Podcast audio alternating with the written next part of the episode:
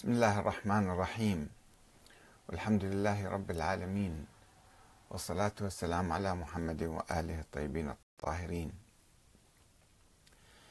المهدوية في الأديان السابقة الأديان الخمسة الكبرى الزرادشتية والبوذية واليهودية والمسيحية والإسلام ماذا تعني وهل تشكل دليلا على ولادة ولد للإمام الحسن العسكري في منتصف القرن الثالث الهجري؟ دقائق وسنكون معكم إن شاء الله.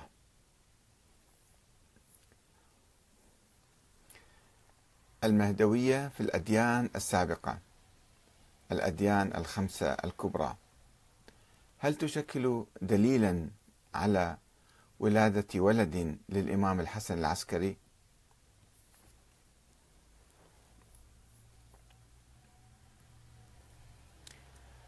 يستدل الشيعة الإمامية الاثنى عشرية على وجود المهدي المنتظر محمد بن الحسن العسكري آه، الإمام الثاني عشر الغائب في عقيدتهم يستدلون على وجوده وولادته بأدلة عديدة روائية أحاديث عن الأئمة السابقين أو عن النبي مثلا وأدلة تاريخية كيفية ولادته ومتى ولد ومن شهد ولادته وأيضا أدلة عقلية. أدلة عقلية بمعنى أدلة كلامية يعني نظرية أو اعتبارية كما يطلقون عليها. يعني أنه إذا كانت الإمامة من الله تعالى ولازم تستمر فإذا لابد أن يكون هناك ولد لابد أن يوجد إمام. آه، حديث الاثنى عشرية أو حديث آه، الكتاب والعترة أنه لابد يكون شخص مع الكتاب فإذا يجب أن نفترض وجود هذا الولد. هذه أدلتهم الرئيسية التي يأتون بها لإثبات ولادة ووجود محمد بن الحسن العسكري. ويضيفون إلى ذلك الاستشهاد بأصالة فكرة المهدي المنتظر. أن هذه فكرة عالمية وفكرة تاريخية وفي كل الأديان كانت موجودة. فإذا يجب أن توجد في الدين الإسلامي أيضا.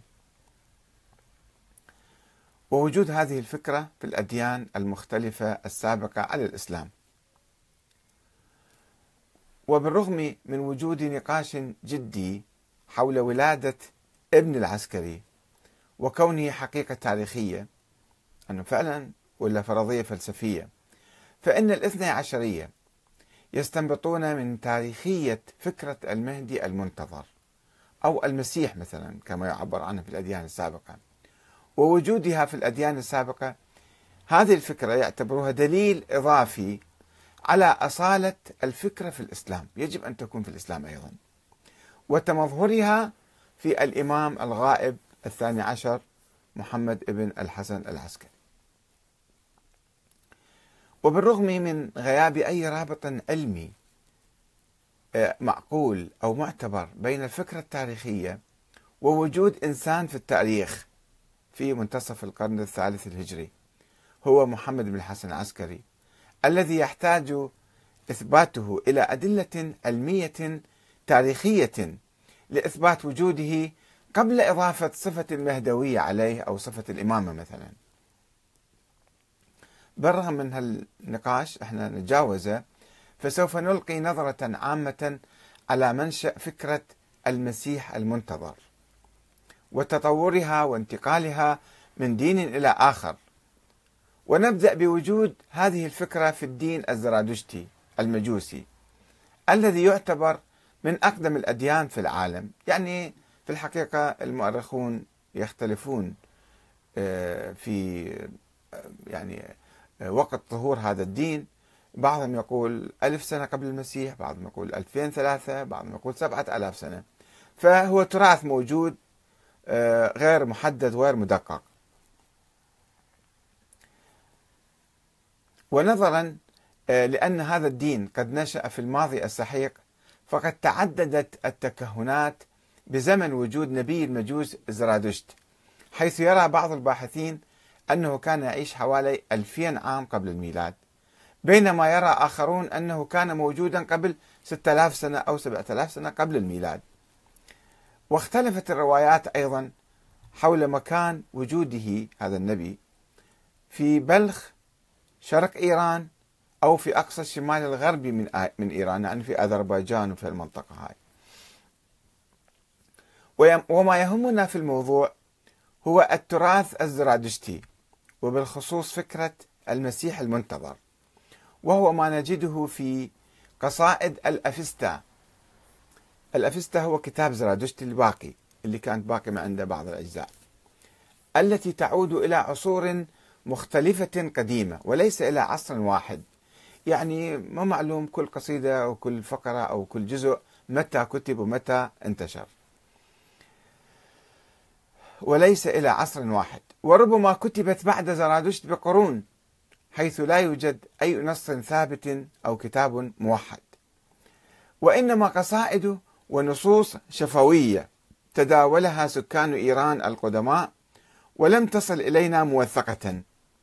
ويمكننا أن نجد في ذلك التراث الزرادشتي وعودا أو تبشيرا بمجيء مخلص على رأس كل ألف سنة.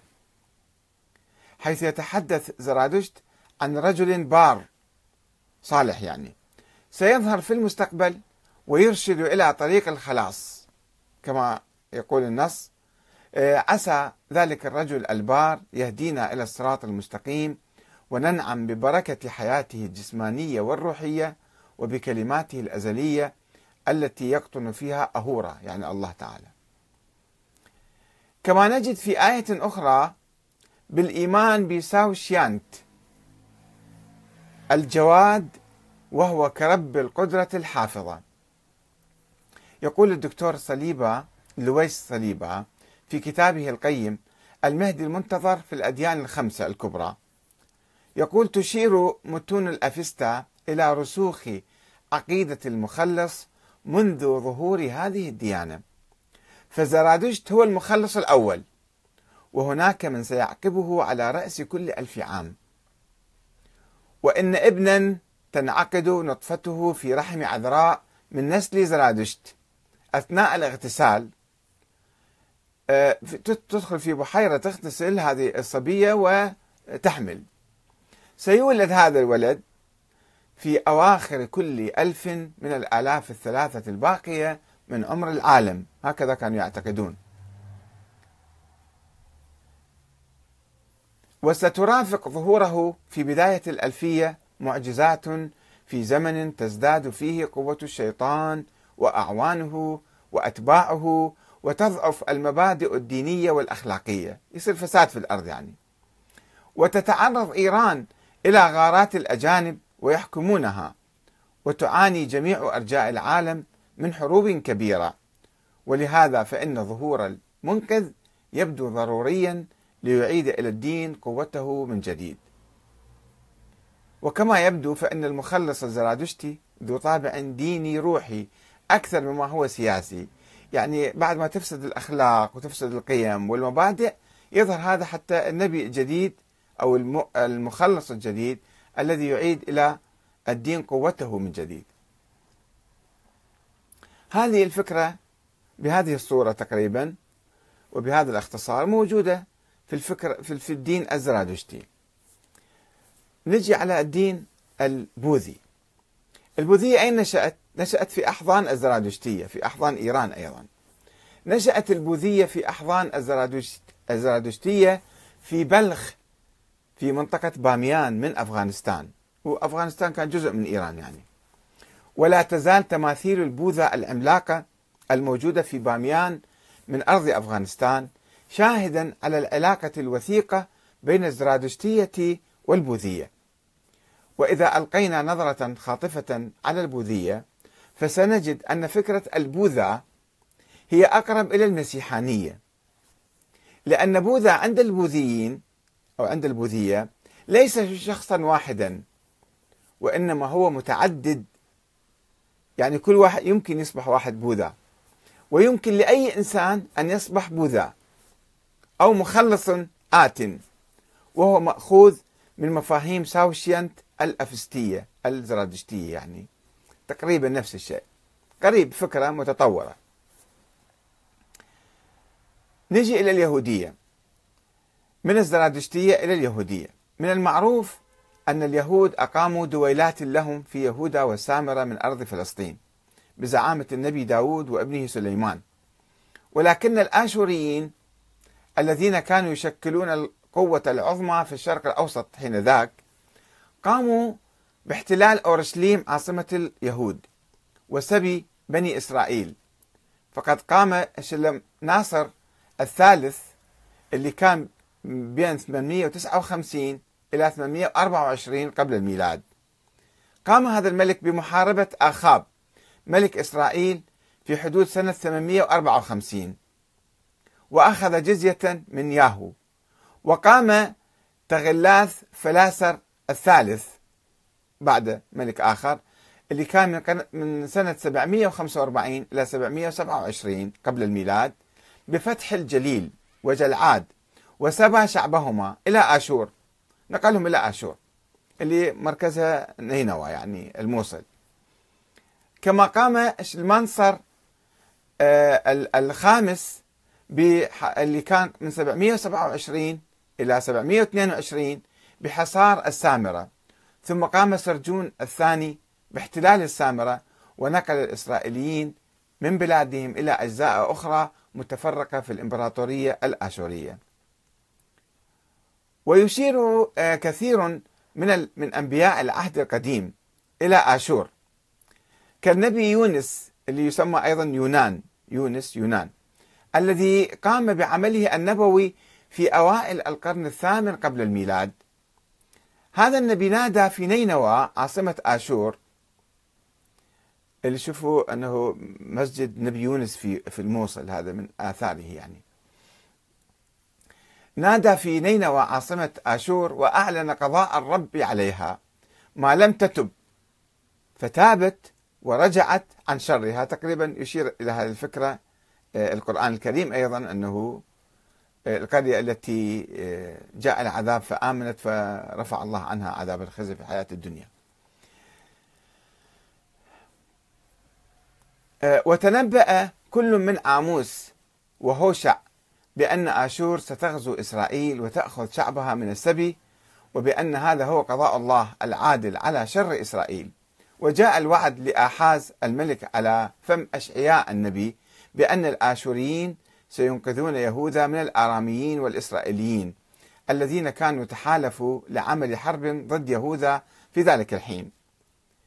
يعلن بأن دور آشور لابد آت وبأن العقاب سيحل بها لسبب كبريائها. ولما حاصر الآشوريون أورشليم جاء الوعد للملك حزقيا على فم أشعياء النبي بأن الله سيدافع عن المدينة. وفعلا مات عدد كبير من جنود آشور وانسحب سنحاريب بقواته ونجت أورشليم. وأعلن ناحوم مجيء الخراب الذي سيقع على نينوى حتما بسبب قسوتها في نهب وسلب وتخريب بلاد كثيرة. في العام 588 زحف الملك البابلي نبوخذ نصر بجيوشه على أورشليم. وحاصرها سنتين حتى سقطت بيده ومعها سقطت كل مملكة يهوذا.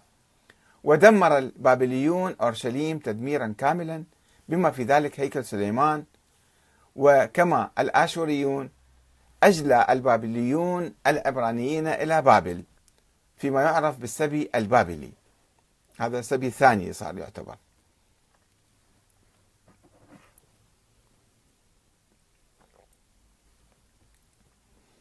هنا آه، نتوقف عند آه، قورش في الثقافة اليهودية في آه، قورش مسيح الرب يسموه هذا. وملخ ومخلص شعبه. ولكن في عام 539 قبل الميلاد دخلت جيوش الإمبراطور الفارسي قورش دخلت بابل وحررت الشعوب الأسيرة بمن فيها الإسرائيليون. ومن هنا بدأ الإسرائيليون يمتدحون قورش وأسمته التوراة بالمسيح المخلص. هكذا قال الرب لمسيحه لقورش الذي أخذت بيمينه لأخضع الأمم بين يديه وأضعف سلطان الملوك لأفتح أمامه المصاريع فلا تغلق الأبواب. إني أسير قدامك فأقوم المعوج وأحطم مصاريع النحاس وأكسر مغاليق الحديد وأعطيك كنوز الظلمة ودفائن المخابئ لتعلم أني أنا الرب الذي دعاك باسمي دعاك باسمك إله إسرائيل. ربك يعني. لأجل عبدي يعقوب وإسرائيل مختاري دعوتك باسمك ولقبتك وأنت لم تعرفني. في كتاب أشعياء 45 من واحد إلى أربعة. هذا يتحدثون اليهود عن قورش على أنه هو مخلص لهم. ومسيح يعني يعتبر. ورغم أن قورش لم يكن يهوديا إلا أن الإسرائيليين أطلقوا عليه لقب مشيح الرب المخلص المنتظر يعني. وقد حرر آه، أو حرر هذا النص كما حرر نص أشعيا في أثناء زحف قورش المظفر سنة 538 قبل الميلاد. إذ يلاحظ أن الانتظار المسيح المسيحاني يسيطر على سفر أشعيا حتى أنه دعي الإنجيل الخامس. وذلك لأن انتظار مسيح مخلص بدأ عند اليهود مع السبي واحتكاكهم بالثقافة الزرادشتية التي تحدثت عن انتظار مخلص. فقام اليهود بإسقاط فكرة المسيح المخلص على قورش الملك الجبار الذي خلص إسرائيل من مصيبته وذله. يقول الدكتور لويس صليبة نجد في سفر في سفر دانيال نبوءة عن المخلص الآتي تقترب بصورة مدهشة من مفهوم المنقذ الزرادشتي. إنه ابن الإنسان وهي تحديدا التسمية التي سيطلقها المسيح يسوع على نفسه. يقول دانيال وكنت أنتظر في رؤياي ليلا فإذا بمثل ابن إنسان آت على السحاب فبلغ إلى قديم الأيام وقرب إلى أمامه وأتى سلطانا ومجدا أو وأوتي سلطانا ومجدا وملكا فجميع الشعوب والأمم والأنسلة والألسنة يعبدونه وسلطانه سلطان أبدي لا يزول وملكه لا ينقرض. دانيال جزء 7 من 13 إلى 14 إذا فقد كان المسيح اليهودي حتى ذلك الحين مسيحا سياسيا ملكا وسلطانا عظيما. في خط من اليهود كانوا يعتقدون المسيح مثل داوود يجي ملك يعني يصير. ولكن بعد هزيمة اليهود في الحروب مع الرومان خلال القرن الأول قبل الميلاد بدأوا بتطوير فكرة المسيح الروحي المطابق لفكرة المخلص الروحي الزرادشتي ابن الإنسان. التي تحدث عنها النبي دانيال. وكما يقول أرنست رينان آه، فإن دانيال أعطى المسيحانية تعبيرها الأخير. فقال المسيح لم يعد ملكا على طريقة داود وسليمان وقورش بل ابن إنسان يتراءى في الغيم إنه كائن فوق الطبيعة أو فائق الطبيعة يظهر بمظهر إنساني. وهو مكلف بأن يدين العالم يعني يحاكم العالم. ويقود العصر الذهبي. ومن المرجح أن ساوشيانت الفرس النبي العظيم الآتي ليعد ليعد لملك أهورا مازدا قد أعطى لهذا المثال الجديد سماته وصفاته يعني. وبينما كان اليهود يعيشون في ظل قورش قاموا بإضفاء صفة خاصة من صفات المسيح الزرادشتي ساوشيانت وهي ولادته من عذراء على المسيح القادم الذي بدأوا ينتظرونه. ويقول الدكتور لويس صليبة بأن العبارة الأصلية لأشعيا كتاب أشعيا المعروفة عند المسيحيين كانت تنص على ولادة صبية وليس عذراء. ما فيها كلمة عذراء فيها كلمة صبية. ولكن اليهود المتأثرين بالزرادشتية حوروها لتصبح هكذا. ها إن العذراء تحبل وتلد ابنا يدعى عمانوئيل أي الله معنا. أشعية 14 على 7 وقد ظهرت هذه العبارة. ها إن الصبية تحبل في الترجمة السبعينية للتوراة. وهي ترجمة قام بها آه، اثنان وسبعون شيخا من أحبار اليهود العائدين من الأسر البابلي والمتأثرين بالزرادشتية في ظل الملك بطليموس الفيلادلفي اللي حكم من سنة 283 إلى 246 قبل الميلاد. وهي ترجمة للتوراة تمت من العبرية إلى اليونانية. السبعينية والأثر المسيحي الزرادشتي. وكان قسم من اليهود بعد أن تحرروا من السبي البابلي قد اختاروا الذهاب إلى مصر بدلا من العودة إلى فلسطين. وكان هؤلاء يترجمون القصص والأفكار الإيرانية وينقلونها إلى عالم الشرق الأوسط كما نشأت حركات يهودية في بلاد الرافدين وفي أماكن أخرى تبشر بمجيء المخلص بوحي من الأفكار الزرادشتية التي كانت على احتكاك دائم بها.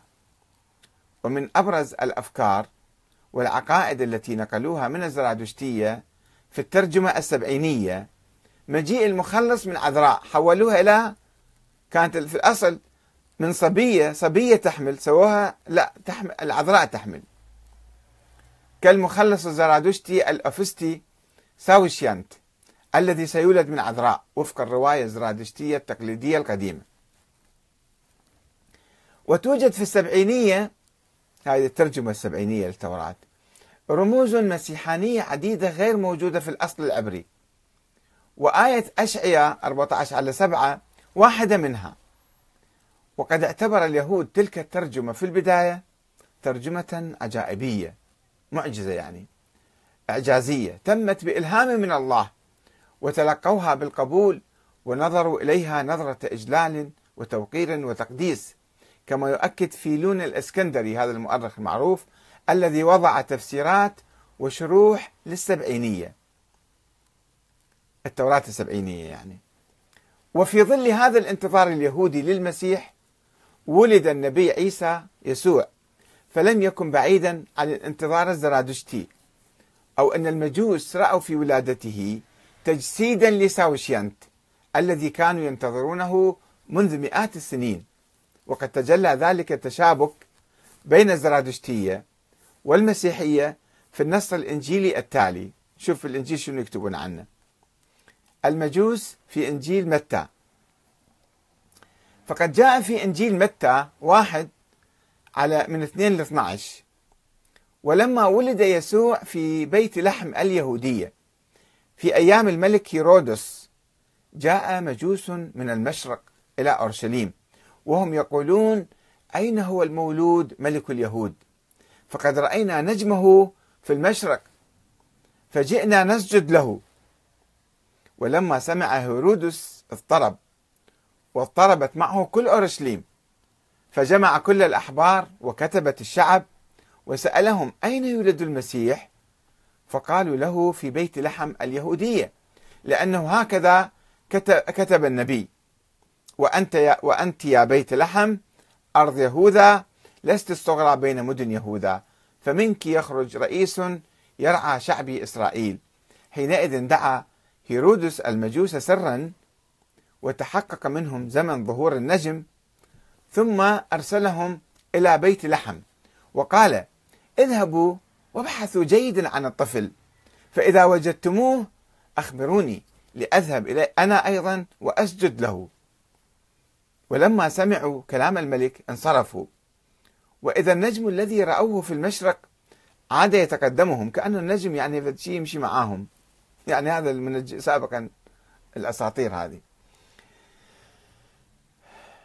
وإذا النجم الذي رأوه في المشرق عاد يتقدمهم حتى بلغ الموضع الذي فيه الطفل وتوقف فوقه. فلما رأوا النجم فرحوا فرحا عظيما جدا ودخلوا البيت فرأوا الطفل مع مريم أمه فجثوا له ساجدين ثم فتحوا كنوزهم وقدموا له الهدايا ذهبا وبخورا ومرا. وأوحي إليهم في الحلم أن لا يرجعوا إلى هيرودس فعادوا إلى بلادهم عن طريق آخر خوفا على حياة هذا الطفل يعني. هذه هذا نص قرأت لكم إياه من إنجيل متى.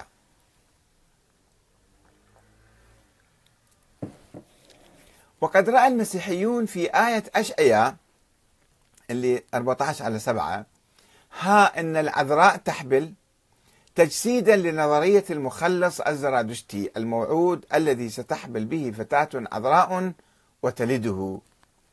ولكن يسوع الناصري لم يكن المسيا أو المسيح يعني الذي ينتظره كهنة اليهود فهو لم يمسح بالزيت المقدس مثل الملوك من سلالة داود.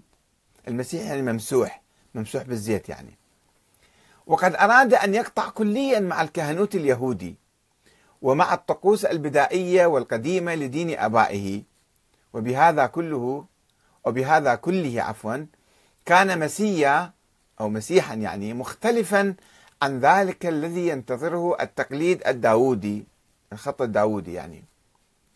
وقام بعض المسيحيين كالقديس يوستيوس توفى سنة 165 ميلادية يعني بعد المسيح ب 150 سنة تقريبا. بمقارنة ولادة المسيح في مغارة بولادة المخلص الزرادشتي ساوشيانت في مغارة أيضا ذاك يولد في مغارة. وتحدثوا عن الرعاة الذين يعاينون الوليد المخلص الملكي أو المخلص الملكي ويسجدون له كما هو مذكور في خبر ولادة الإمبراطور الفارسي قورش. نفس الشيء كان عليه. هكذا أساطير. الذي اعتبره اليهود مسيحا مخلصا. هذه إذن فكرة المسيح المخلص من الزرادشتية إلى البوذية إلى اليهودية إلى المسيحية. نجي للإسلام. نشوف في الإسلام في فكرة أساسية ورئيسية في موضوع المخلص في المستقبل يأتي أو لا. لا يتحدث القرآن الكريم عن المسيح القادم ولا المهدي. ما في شيء صريح بالقرآن في هالموضوع. وإنما يتحدث عن بشارة موسى وعيسى بالنبي محمد صلى الله عليه وآله وسلم. الذي يجدونه كما تقول الآية الذي يجدونه مكتوبا عندهم في التوراة والإنجيل.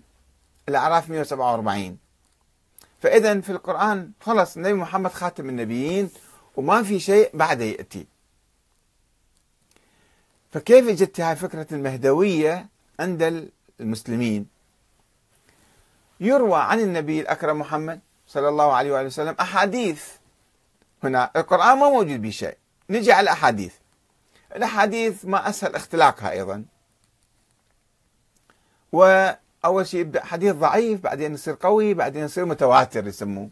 هو ما إلى أصل يسموه متواتر بعدين. هذه دائما كلمات مطاطة يلعبون فيها. هذه الأحاديث تشير إلى ظهور إمام مهدي. الإمام يعني الرئيس الإمام يعني الحاكم باللغة التاريخية الإسلامية. يعني الأئمة عموما الإمام يطلق على عدة أشياء الزعيم الرئيس إمام الجماعة إمام الكذا. وأيضا إذا آه، أطلقت هكذا الإمام يعني الرئيس.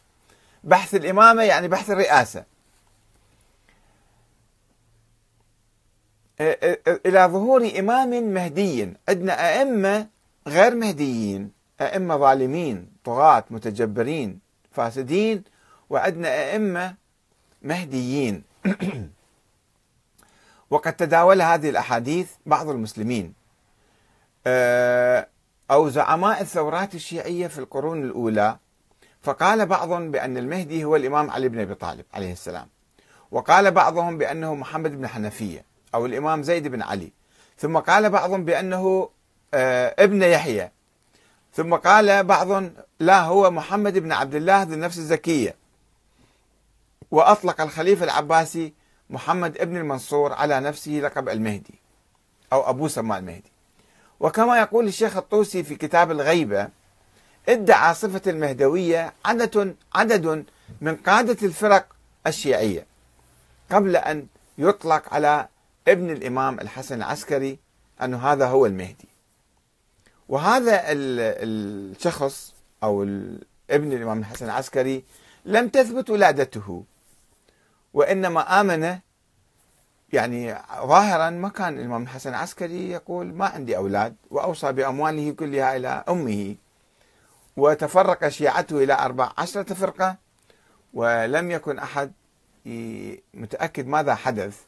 فحدثت آه، الهزة الكبرى أو الحيرة الكبرى كما سموها ودخلوا في عصر من الحيرة. ماذا؟ آه، هو مصير نظرية الإمامة إذا الإمام العسكري توفى ما عنده ولد. فاخترع فريق أو مجموعة من الناس آه، هذا القول. مجموعة من شيعة الإمام الحسن العسكري قالوا أنه هو عنده ولد وهو محمد بن الحسن العسكري.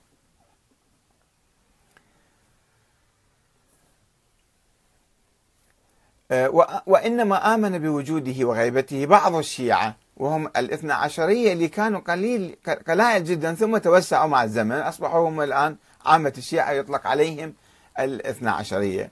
مو فقط الشيعة يؤمنون بالاثنى عشرية حتى قسم من السنة من الصوفية أيضا يؤمنون بالاثنى عشرية.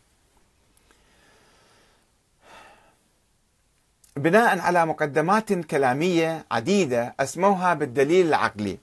أنه الإمام الأرض لا تخلو من إمام لازم فيها إمام. يعني الدولة المجتمع ما يصير بلا حكومة فلازم ال...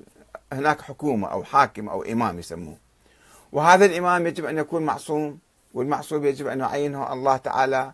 والنبي قد عين الإمام علي ثم تتسلسل الإمامة من واحد إلى واحد ثم تصل إلى الحسن العسكري. والحسن العسكري لم يمت هكذا. لم تنقطع الإمامة لم يعد للحياة مرة ثانية إنما لابد أن نفترض وجود ولد له فرضية هي. ما ما ما عندنا أي دليل تاريخي أو شرعي أو قوي على ولادة ابن الإمام حسن العسكري. يسمون هذا هذه الأدلة كلها يسمونها الدليل العقلي وهو مو دليل عقلي بالحقيقة دليل نظري يعني كلامي. من باب المسامحة كما يقول الشيخ الصدوق أنه هذا مو عقلي نسميه عقلي. قبل أن ينسجوا حول ولادته حكايات مرسلة بلا سند. أنه ولد وكذا وجت عمة الإمام الحسن العسكري وقال لها راح يولد لنا وولد اليوم وكذا وطار بعدين وما شافه. هاي قصص قام ينسجوها قصص خيالية أسطورية. حكايات بعد مئة سنة كتبها الشيخ الصدوق بدون سند. وبصورة سرية يعني مو بالعلن لا يقولون سرا. بالظاهر هم يعترفون كل المؤرخين الشيعة أنه الإمام العسكري توفي ولم يوصي إلى أحد. ثم قام عدد من الرجال المقربين اللي كانوا وكلاء ماليين للإمام العسكري بادعاء رؤيته رؤية ولد. والوكالة عنه خلال ما عرف بالغيبة الصغرى. إحنا وكلاء إذا عندكم فلوس جيبوا لنا إياها. وإذا عندكم أسئلة إحنا نجاوبكم. ويقولون تجينا رقع أو رسائل من الإمام. وهم يختلقوها يكتبوها وبداية الغيبة الكبرى آه هذه الغيبة الصغرى التي أنهاها النائب الرابع علي بن محمد الصيمري في سنة 329 عندما توفي ولم يوصي إلى أحد بعده الذي أعلن انقطاع أي اتصال بالإمام الغائب. وبداية الغيبة الكبرى التي ستنتهي بظهور ذلك الإمام المختفي أو الغائب. وقد مر على هذه القصة حوالي 1200 عام ولم يظهر ذلك الإمام أو لم يظهر له آه، لهذا الإمام المفترض أي أثر أو دليل على وجوده وتفاعله مع الشيعة المؤمنين به. في المسألة فقهية مثلا يعلمنا إياها فد آية يفسر لنا إياها فد قصة يقول لنا إياها فد موقف يوصي به كل هذا ما موجود. فأي أثر ما موجود من عنده في الحياة. إلا بعض قصص العجائز اللي روها واحد ماشي بالصحراء وضاع واجى واحد دلاه الطريق هو الامام مهدي شنو شغلته؟ النجده شغلة. حتى واحد بس اللي ضايعين بالطريق يجي يدليهم. ولا قيادة الأمة الإسلامية المفترض يعني. وهذا ما ما يقوم به. وإذا كانت فكرة المهدوية أو المسيح أو المخلص موجودة في الأديان السابقة فإنها إذا افترضنا هالفكرة نفسها كانت موجودة فإنها لا تشكل دليلا على ولادة ولد للإمام الحسن العسكري إذ يحتاج الأمر في البداية إلى إثبات وجوده بالأدلة التاريخية ثم إطلاق لقب الامامه عليه ثم إطلاق لقب المهدوية. وأما قبل ذلك فلا يمكن الاعتقاد بمهدوية ابن الحسن العسكري الذي لم تثبت ولادته وما عندنا أي دليل على وجوده. فإذا هذا الدليل من أضعف الأدلة أنه استشهاد أنه هاي الفكرة موجودة عند الأديان السابقة. ممكن إحنا نفهم من بعض الأحاديث من فكرة المهدي العامة أنه الإمام المهدي يعني الرئيس اللي الله هاديه الرئيس الصالح يعني بكلمة أخرى. هذا ممكن أي حاكم عادل يمكن يكون هو إمام مهدي. وإذا تنزلنا أكثر أنه على درجات مختلفة كل إنسان صالح ماشي مهتدي بهدى الله تعالى هو إنسان مهتدي. وإذا أصبح إماما أو أصبح زعيما وصالحا فيصبح إمام مهتدي. سواء إمام حزب إمام حركة إمام تنظيم إمام مجتمع إمام مثلا مرجع يكون صالح يسمى إمام مهدي. قائد رئيس دولة يسمى إمام مهدي. فهاي الفكرة عامة. وإحنا بدل ما نقعد ننتظر شخص ما موجود وما مولود ومئات السنين مرت وما ظهر أي أثر له خلي الفكرة هاي نطورها بصورة إيجابية. أنه إحنا آه، الآن المجتمع في حركة فساد. سرقة ونهب وعمالة وخيانة ولصوصية واعتداءات وقتل وذبح في المجتمعات الإسلامية كلها. طيب نيأس ننهار نستسلم أو لا؟ كل واحد من عندنا يقوم بالاهتداء بهدى الله تعالى ويصعد إلى الله يعني حركة صاعدة إلى آه، وتائبة. آه، وهذه الحركة وكل واحد من المنتمين لها يقوم بهداية الناس بهداية نفسه وهداية الناس ووعظ الناس والأمر المعروف والنهي عن المنكر ومحاربة الفساد. في الحالة إحنا نكون حركة مهدوية في المجتمع مضادة لحركة التزوير والتضليل والسرقة والنهب والظلم والفساد والجور وما إلى ذلك. إذا ف آه، يعني إذا كانت الشعوب العالمية أو الأديان السابقة تبشر بواحد يأتي فما ننتظر فد واحد يأتي. وهذا الواحد ما راح يكون أفضل من النبي محمد ولا راح ينزل عليه الوحي. وإنما القرآن موجود نتمسك به ونعمل بالقرآن فنكون مهدويون أو نكون مهدويين. يعني كلتنا نكون في هذه الحركة. وهنا نتحول من من طاقة مجمدة أو سلبية تنتظر فقط واحد يأتي بعدين يصلح الأمور. لا إحنا نأخذ على عاتقنا أن نصلح الأمور ونقيم نظام العدل في هذه الأرض. نوزع الثروات على الفقراء والمساكين ونمنع الظلم نمنع الاعتداء نمنع الحروب العدوانية. نقوم بكل ما يقوم به الإمام المهدي وأي إمام مهدي وأي إنسان مهدي. فهذه الفكرة خلي إحنا نستوعبها بنظرة جديدة لأنها ما موجودة في القرآن واحد يأتي آخر الزمان قبل ما تنتهي الدنيا ويصلح الأمور. شو تفيدنا بعد؟ المهم أنه إحنا نكون صالحين ومصلحين في هذه الدنيا وبالتالي آه، نبني مجتمعاتنا ونبني دولنا ونبني آه، بلادنا بشكل أفضل وأفضل. والسلام عليكم ورحمة الله وبركاته.